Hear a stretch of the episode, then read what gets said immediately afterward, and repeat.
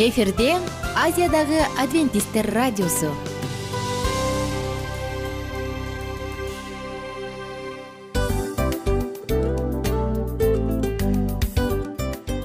Достор салют. Баардык сүйүктүү угармандарыбызга салам айтабыз. Кутман күнүңүздөр менен.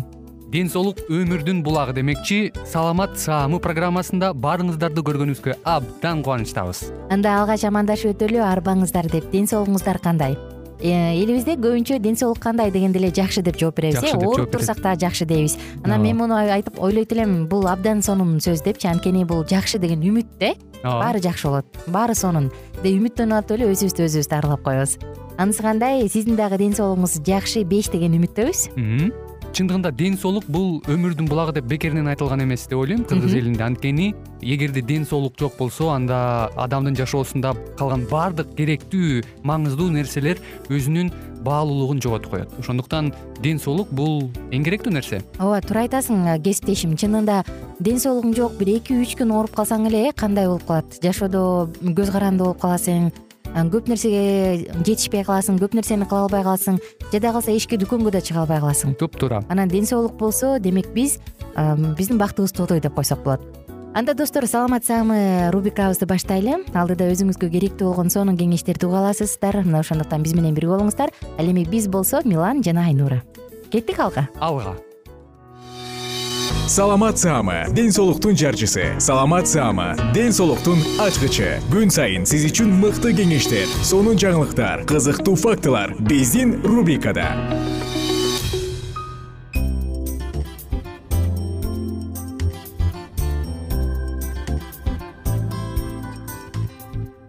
Саламатсыздарбы биздин сүйүктүү досторубуз баардыгыңыздар менен амандашып кайрадан жагымдуу саатыбызды баштадык бул албетте саламат саамы радио баракчасы адамдын жашоосундагы эң эле алгачкы жана биринчи байлыгы. Адамга эң керектүүсүн бере турган бул ден соолук. Эгерде бут кийимиң тар болсо ааламдын кенендигинен эмне пайда дегендей? Эгерде байлыгыңдын баары бар болсо бирок сенде ден соолук жок болсо анда мындай байлыктан эмне кереги бар?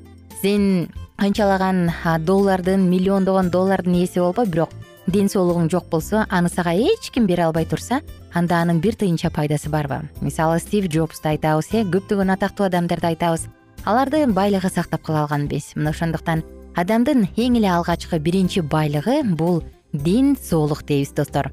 Ошондуктан баардык угармандарыбызга кааларыбыз ден соолук жана ар бир угарманыбызга кааларыбыз бекем бекем эң сонун беш деген маанай качан адам позитивдүү маанайда жүрүп алганда гана ал өзүнүн ден соолугунун жакшы абалын узарта алат. Эгер адамдын ден соолугу жакшы болуп бирок ал дайыма негативдүү болсо анда анда анын ден соолугу начарлайт. Айтып коюшат эмеспи э нервдүү нерви жука адамдардын ашказаны көбүрөөк ооруйт депчи албетте бул тарс эткен баары тамаша бирок чындыкка жараша. Анткени биз нервтенген сайын ачууланган сайын ашказан кызарып өзүнүн кандайдыр бир функциясын буза баштайт экен ошондуктан достор биздин кааларыбыз албетте ден соолук. Алдыңкы мүнөттөрдө биз мыкты адистер дарыгерлер менен болгон маектерибиз бар. Сиздерди ушул маектерге чакырабыз. Жана бул маектер сизге дагы сөзсүз түрдө бир жакшы пайдасын алып келет жакшы пайдасын тийгизет деген тилекте биз саатыбызды улантабыз. Аты жөнүм айнура миназарова. Биз менен бирге болуңуздар. Алдыдагы жагымдуу мүнөттөр жагымдуу секундтар сиздерге сонун маалыматтарды алып келет деп ишенем. Анда саатыбызды уланталы биз угармандарыбызга көрөрмандарыбызга кайрыла кетели. Достор эгерде сиздерде ушул семирүү же арыктоо боюнча тамактануу боюнча суроолор бар болсо биздин адис нутрициолог төрүбүздө азыр ушул учурдан пайдаланыңыз дагы комментарий калтырыңыз алдыга суроолорду жөнөтүңүз күтөбүз. Анда марина эжеке кийинки суроом сизге мындай. Негизи ушул тамактануу тамактануу эле дей беребиз го. Көбүнчө айымдарда байкап келебиз э биз диета кармайм арыктайм дегенде алар өздөрүн ушундай катуу диетага отургузат клетчатка көбүрөөк басымдуулук жасашат дагы. Анан диета чын эле арыктайт бирок кийин кайра көбүрөөк салмак кошуп кеткендер болот го. Эмне себептен негизи? Диета кармаш керекпи? Эгер диета кармаш керек болсо анда эмнени мүнөздөш керек? Ушул жөнүндө айтып берсеңиз эми бул сөздүн төрүн баштай кеткенде биз эң биринчиде ушул диета эмне дегенин эске алышыбыз керек. Эмне дегенде диета бул көбүнчөсү эле ушул диета десе эле бул ачкачылык менен эле кандайдыр бир белгиленип байланышып калганда э, байланышып калганда мен диетадамын десе эле элдин баары эле ачкачылык. Ии бак ушул бул эме ачка болуп эле э, өзүн кандайдыр бир э, чектеп атат да депчи. Бул туура эмес көрүнүш диетада эч качан чектөө болбойт. Диета бул көбүнчөсү жана лечебный эме диета деп коет бул эмедечи медицинада. Бул жана мисалы ооруга байланыштуу диета болуп эсептелинет да. Кандайдыр бир ашказаның ооруп атабы бооруң ооруп атабы башка жериң ооруп атабы ошого ар бир өзүнүн органына жараша бул өзүнүн эмеси бар да. Тизмеси бар да. Азык түлүктүнчү. Ал эми мисалы арыктайын деген э, диета кармагандын жөн эле үйдө жатып эле мисалы азык түлүктү тамак аштан жегенден чектеп эле эртең мененкисин дагы жебей түштө эптеп кичинекей эле мындай бир алма жеп коюп эле анан күнүгө мисалы он саат жүрүп туруп турсаң бир күндө он сааттын ичинде суу эле ичип жүрсөң бул организмге абдан стресс алып келинет да. Анан ошондон бара бара кандайдыр бир убакыт өткөнгө чейин адам өзүн өзүн кармашы мүмкүн да ошо диетадачы бир жума болобу үч күн болобу бир ай болобу эми адамдын өзүнүн эркине жараша эмеспи. Бирок ошол диета бүткөн соң бул ошол эле кетирген арыктаган килограмм эмесин салмагын кайра эле бир эмес бир эмес эки эсе кайра алып келиши мүмкүн. эмне үчүн? Анткени бул жана мен мен такай айтайм бул организм бул уникалдуу система да уникалдуу система болгондуктан бул организм бул стрессовый стресс болгонго абдан ыңгайлуу шарт түшкөн учурда адам өзүнө өзү стресс түшкөндө бул организм кандайдыр бир эмеси менен ошол кийинки стресске кабыл болбойн деп туруп ошондуктан биз ошол тамак жегенден эки эсе алып туруп жана тери катмарынын астында ошол эме жыр деп койчу майларга чогултат да эмне дегенде кийинки учурда ушундай стресске кабыл алсам мен ошол запас кылып ошол энергияны Э, кайра колдонгонго мен э, эме запасым бар деген эме ойдо кетет да.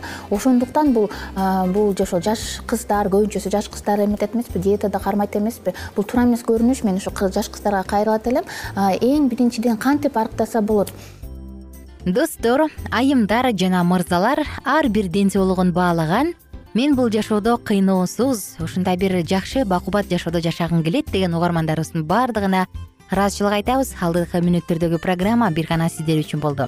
Чындыгында ар бир адам өзүнүн ден соолугунун сакчысы. Мисалы бөйрөк бизге берилгенде э, жаратылгандан эле ал бир нече жүздөгөн жылдарга кызмат кылышы керек. Бирок тилекке каршы азыркы заманды карасаң э, отузга чыкпай эки бөйрөгү тең ооруп пленефрит жана башка көптөгөн оорулар да керек болсо гемодиализде отургандар дагы көп. Ушул сыяктуу мисалдарды айтып отурсак абдан толтура мен эмнени айткым келет? Эгер ден соолукту өзүңүз карабасаңыз анда аны сизге эч ким кайтарып бербейт. Ооба жумуш оокат баардыгы керек бирок ден соолукту анын ордуна бербеңиз. Карап отурсаң улгайып калганда элүү алтымышка чыкканда ден соолугунан кыйналып отурган адамдарда жашоонун кубанычы да жок калат. Алар небересинин жытынан ырахат ала албай калышат. Анткени ден соолугу жок. Ден соолугу жок адам өңү маанайы дайыма үңүрөйүп жүрөт. Анткени аларда эң маанилүү нерсе керек жок. Ошондуктан колдон келишинче үй бүлөмдү багам дегенден мурун дагы өзүңүздүн ден соолугуңузга сакчы болуп өзүңүздүн абалыңызга көңүл бура жүрүңүз. Кайсы бир улут ооруп калбайын деп барат дейт. Кайсы бир улут ооруканага ооруп жатам деп барса кыргыздар өлүп калбайын деп барабыз дейт. Ошондуктан келгиле мындай болбостон тескерисинче ар бирибиз өзүбүздүн ден соолугубузга жоопкерчиликтүү мамиле кылып ал биздин биринчи байлыгыбыз экенин моюнга алып ошол нерсени биринчи байлыктай тута билели достор сиздер менен коштошобуз. Саламатсызамы радио баракчасынын соңку мүнөттөрү. Кааларым биринчи байлык ден соолук жана экинчи байлык ак жоолук оорубаңыздар сыркалабаңыздар. Сиз бактылуу жашоого татыктуусуз жана бактылуу жашаш үчүн чакырылгансыз. Бар болуңуздар кайрадан амандашканча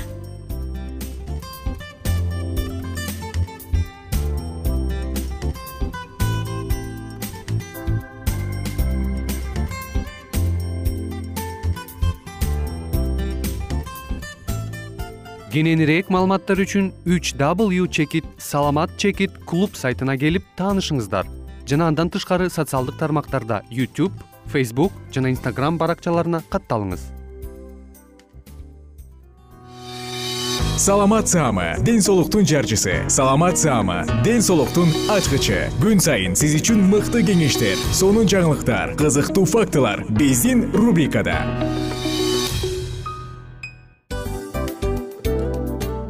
салам достор. Кайрадан биздин сүйүктүү рубрикабызга кош келиңиздер деп айтмакчыбыз. Баардык замандаштарыбызга арбаңыздар деп саламыбызды айтабыз. Улуу ушундай бир э, урматтаган учурашуу менен анан дил маек радио баракчабызга чакырабыз. Негизи дил маек биздин рубрикабызда эмне жөнүндө кеп кылабыз бул дил маектин мааниси эмнеде рубрикабыз менен кичине тааныштырып кетсеңиз. Сөзсүз түрдө тааныштыра кетейин. Кесиптешим суранычы боюнча бул учурда бул радио баракчада биз ар тарап кесип ээлеринен сонун кеңештерди алабыз сүйлөшөбүз сырдашабыз. Аталарыбыздын эжелерибиздин апаларыбыздын кеңештерин угабыз айтор. Жан дүйнөгө адамдын э, сапатына адамдын деги эле адам болуп жашашына керектүү баардык кеңештер алдыда. Негизи э, дил маек дегенде баягы эки адамдын ортосундагы сырдашуу кенен сүйлөшүү. Негизи эле биз адамдар бири бирибиз менен бир жерге жай жерге отуруп алып өзүнчө тынч э, жашоо жөнүндө өмүрүбүздө эмне болуп атканын бөлүшкөнү жакшы көрөбүз э адамдар. Ооба туура айтасың анан э, мындай учурга кээде убакыт да жетпей келет э. Же болбосо сырыңды кайгыңды муңуңду кубанычыңды айткың келет а адамга ишенбешиң мүмкүн. Ооба. А бул радио баракча угармандарыбыздын чыныгы досу. Анткени бизден алган кеңеш сиздин жашооңузга чоң жардам берет. Ал эми сиздин бизге айта турган сөзүңүз ортодо гана сыр бойдон калат. Ошондуктан биздин дил маек рубрикабызга дагы бир жолу кош келиңиздер. Жана биз даярдаган маалыматтарга даяр болуңуздар. Айнура жана милан сиздер менен бирге алдыга кеттик ар түрдүү ардактуу кесип ээлеринен алтын сөздөр жүрөк ачышкан сыр чачышкан сонун маек дил маек рубрикасында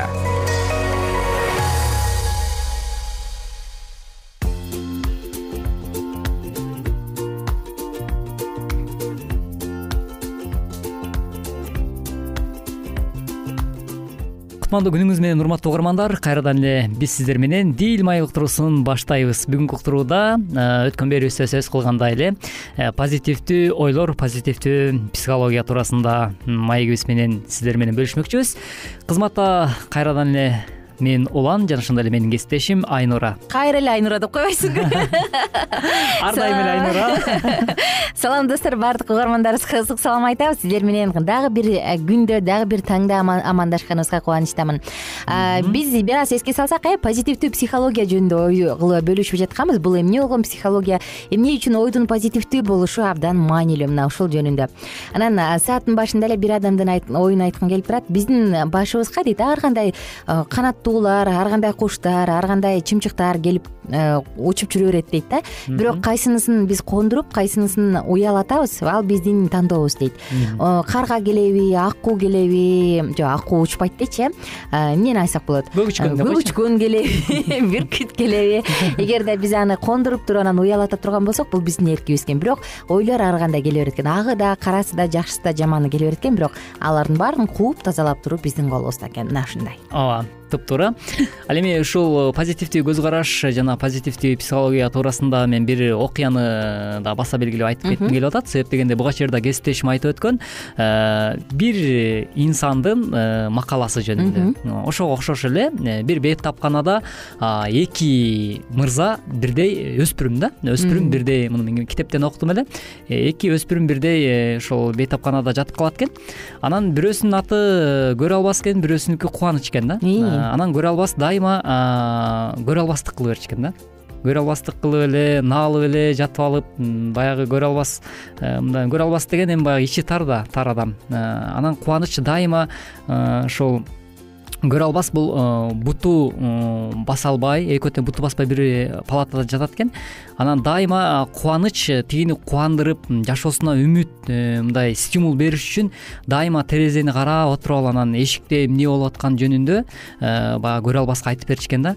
Эшикте кандай аба ырайы болуп атат бүгүнкү учурда кимдер келип атат деп анан ошол нерселерди терезеден карап терезеге тушташ жаткандыктан э, кубаныч анан аябай жакшы мындай сүрөттөп берчү экен да сырткы чөйрөнү э, балдар эшикте ойноп атканын э, мисалы кыз менен жигит бири бири менен жакшы мамиле өткөрүп атканын аябай жакшы мындай сүрөттөп дайыма эшиктеги аба ырайын дагы сүрөттөп берчү экен анан күндөрдүн биринде кубаныч э, ошол оорусуна байланыштуу көз жумат экен ошол палатада жатып э, кубаныч. Ал эми көрө албас болсо баягы сакайып жакшынакай болуп анан бутуна турат экен да. Бутуна туруп басып баягы терезени караса ал терезеде жөн гана бир стена турган экен да. Мындайча айтканда дубал дубал турган болот экен. Көрсө кубаныч ага үмүт бериш үчүн э, көрө албастын жашоосуна мындай дем бериш үчүн дайыма ошол сырткы чөйрөдө болуп аткан нерсени элестетип туруп элестетип айтып бере берчү экен да кооздопчу э, көрсө бизде ушундай болот экен да мындай э, дайыма ошол көрө албас ойлор көрө албастык нерсе дайыма бул позитивдүү көз карашка бизди жетелебейт экен тескерисинче бизди артка жетелейт артка жетелейт экен да. Жанагы стенага барып такалып калган сыяктуучу анан ошондо баягы көрө албас аябай ичинен өкүнгөн экен да. Кап деди да э карачы тим эле. Адамдын мындай кээ бир адамдарды карасаң жаркылдап өзүндө эч кандай кайгы жоктой өзүндө эч кандай көйгөй жоктой жүрөт го сенин көйгөйүңдү бөлүшүп сага жардам берип бирок ал адамдар дагы сөзсүз түрдө андай адамдарда дагы өзүнүн артында чоң бир жүгү бар э? Жакшы экен абдан жакшы. Биз угармандарыбызга дагы айта ала кетели бүгүн сиздер менен позитивдүү ой жүгүртүү жөнүндө сөз кылып жатабыз. Негизи бул эмне? Мен карап отуруп позитивдүү психология жөнүндө айтып кеттик. Муну мындай деп салыштырышат экен психологдор. Адамдын жан дүйнөсүндөгү жашыл бутак деп элестет. Адамдын жан дүйнөсүндөгү жашыл бутак дейт жашоого болгон көз карашыңызды курчап турган чөйрөңүзгө болгон оюңузду жыйнаңыз. Эми аларды ак карага бөлүп таразага салып көрүңүзчү. Жыйынтык сизди канааттандырбаса анда тезинен жан дүйнөңүзгө жаңычылык киргизиңиз өзгөрүүгө аракет жасаңыз. Жашоонун жаңы барактарын ачып позитивдүү ойлорго жетелениңиз дейт.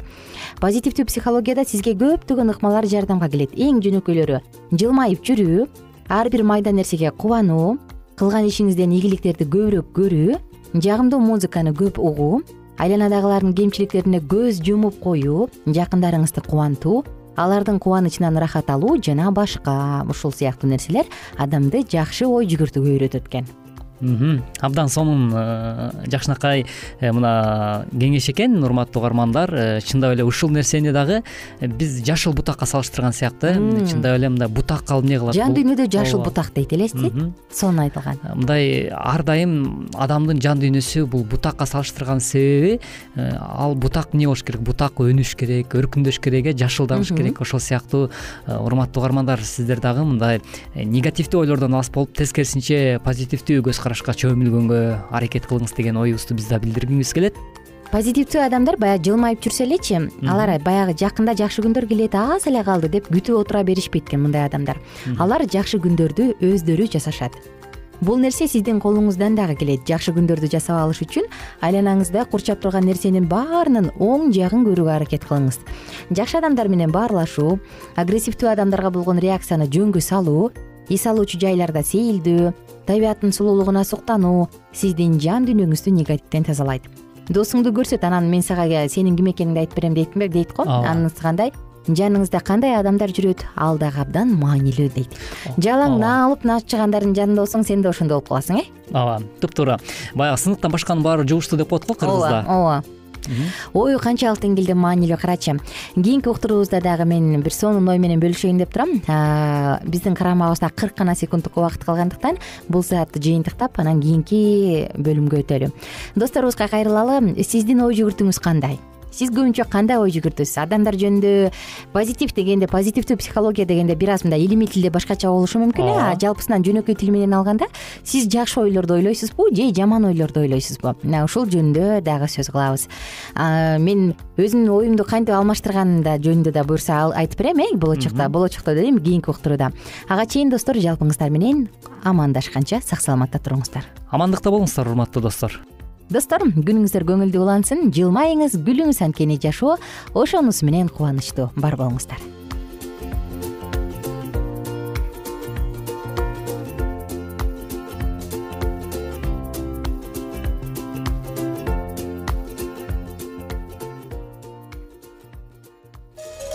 Ар түрдүү ардактуу кесип ээлеринен алтын сөздөр жүрөк ачышкан сыр чачышкан сонун маек. Бил маек рубрикасында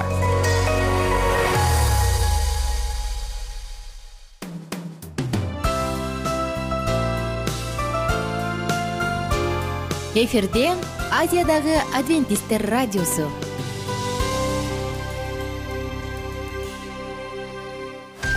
Жан дүйнөңдү байыткан жүрөгүңдү азыктанткан жашооңо маңыз тартуулаган жан азык рубрикасы.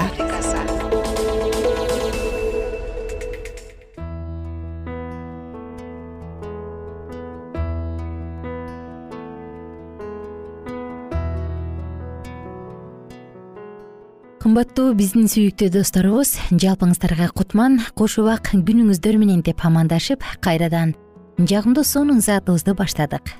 Келечекке үмүт берип жан дүйнөбүздө үмүт шамын жандырган бизге кубаныч тартуулаган жан азык радио баракчасына кош келиңиздер.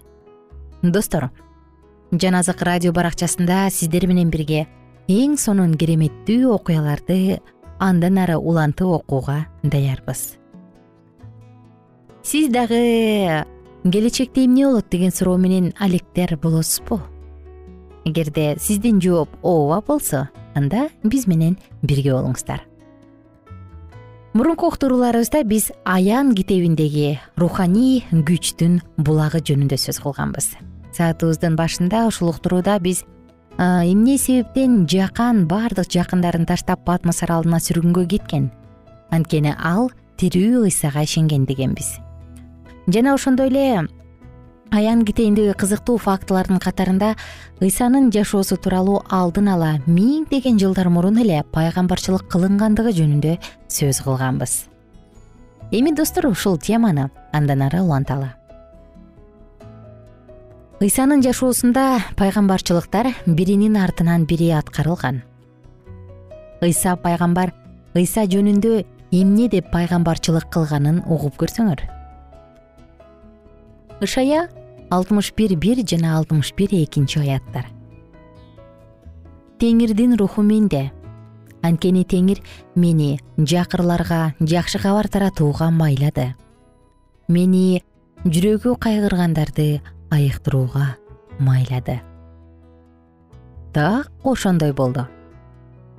Ал өз жолунда кездештиргендердин баардыгына жакшылык кылды ыйык жазуу мындай деп улантат. Туткундарга эркиндик жарыя кылууга. Камактагыларга толук боштондук жарыя кылууга майлады. Ал бошото ала албай турган бир да туткун жок.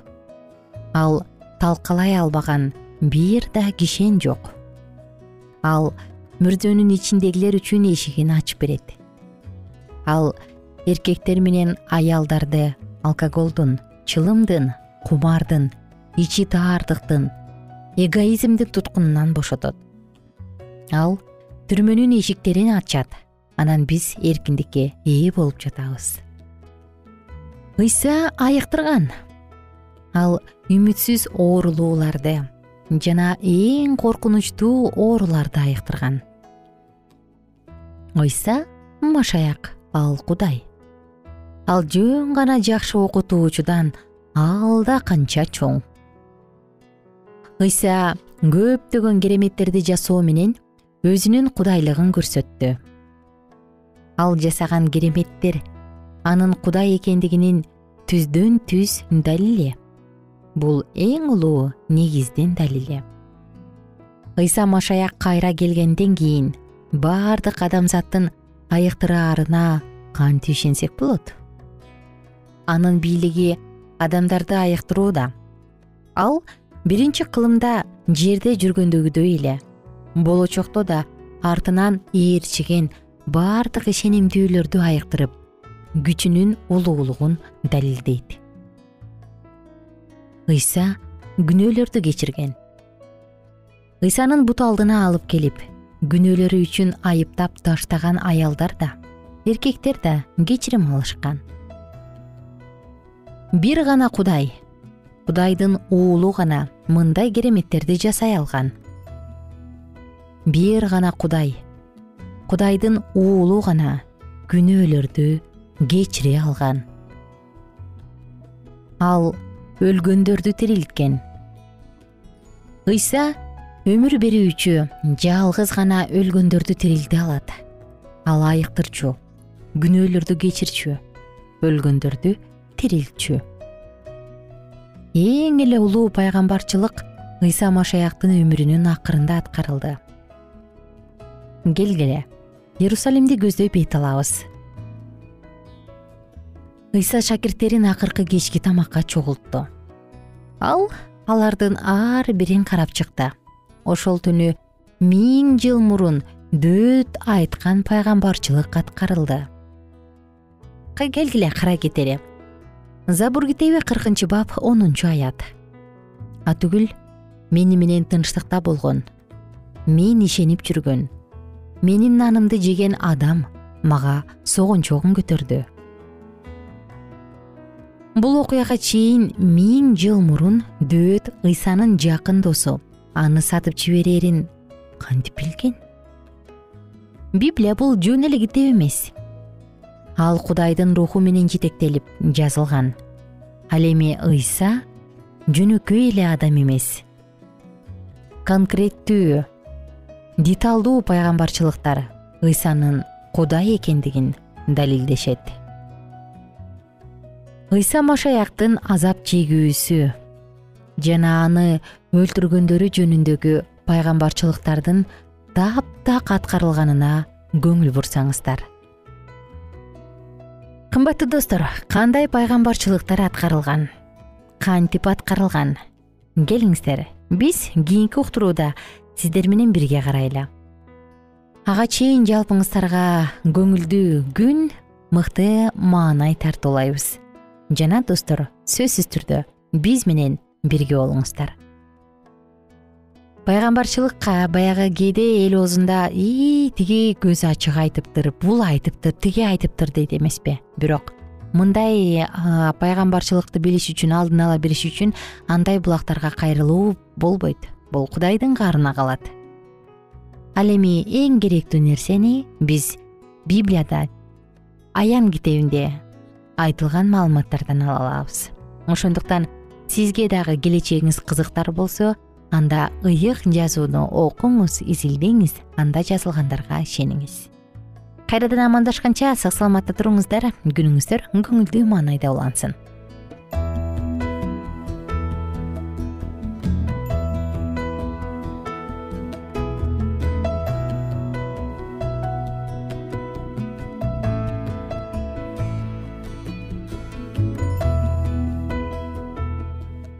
эгер сиздерде суроолор болсо же көбүрөөк маалымат билем десеңиз анда биздин whatsapp номерибизге жазыңыз. Плюс бир үч жүз бир жети жүз алтымыш алтымыш жетимиш. Кайрадан плюс бир үч жүз бир жети жүз алтымыш алтымыш жетимиш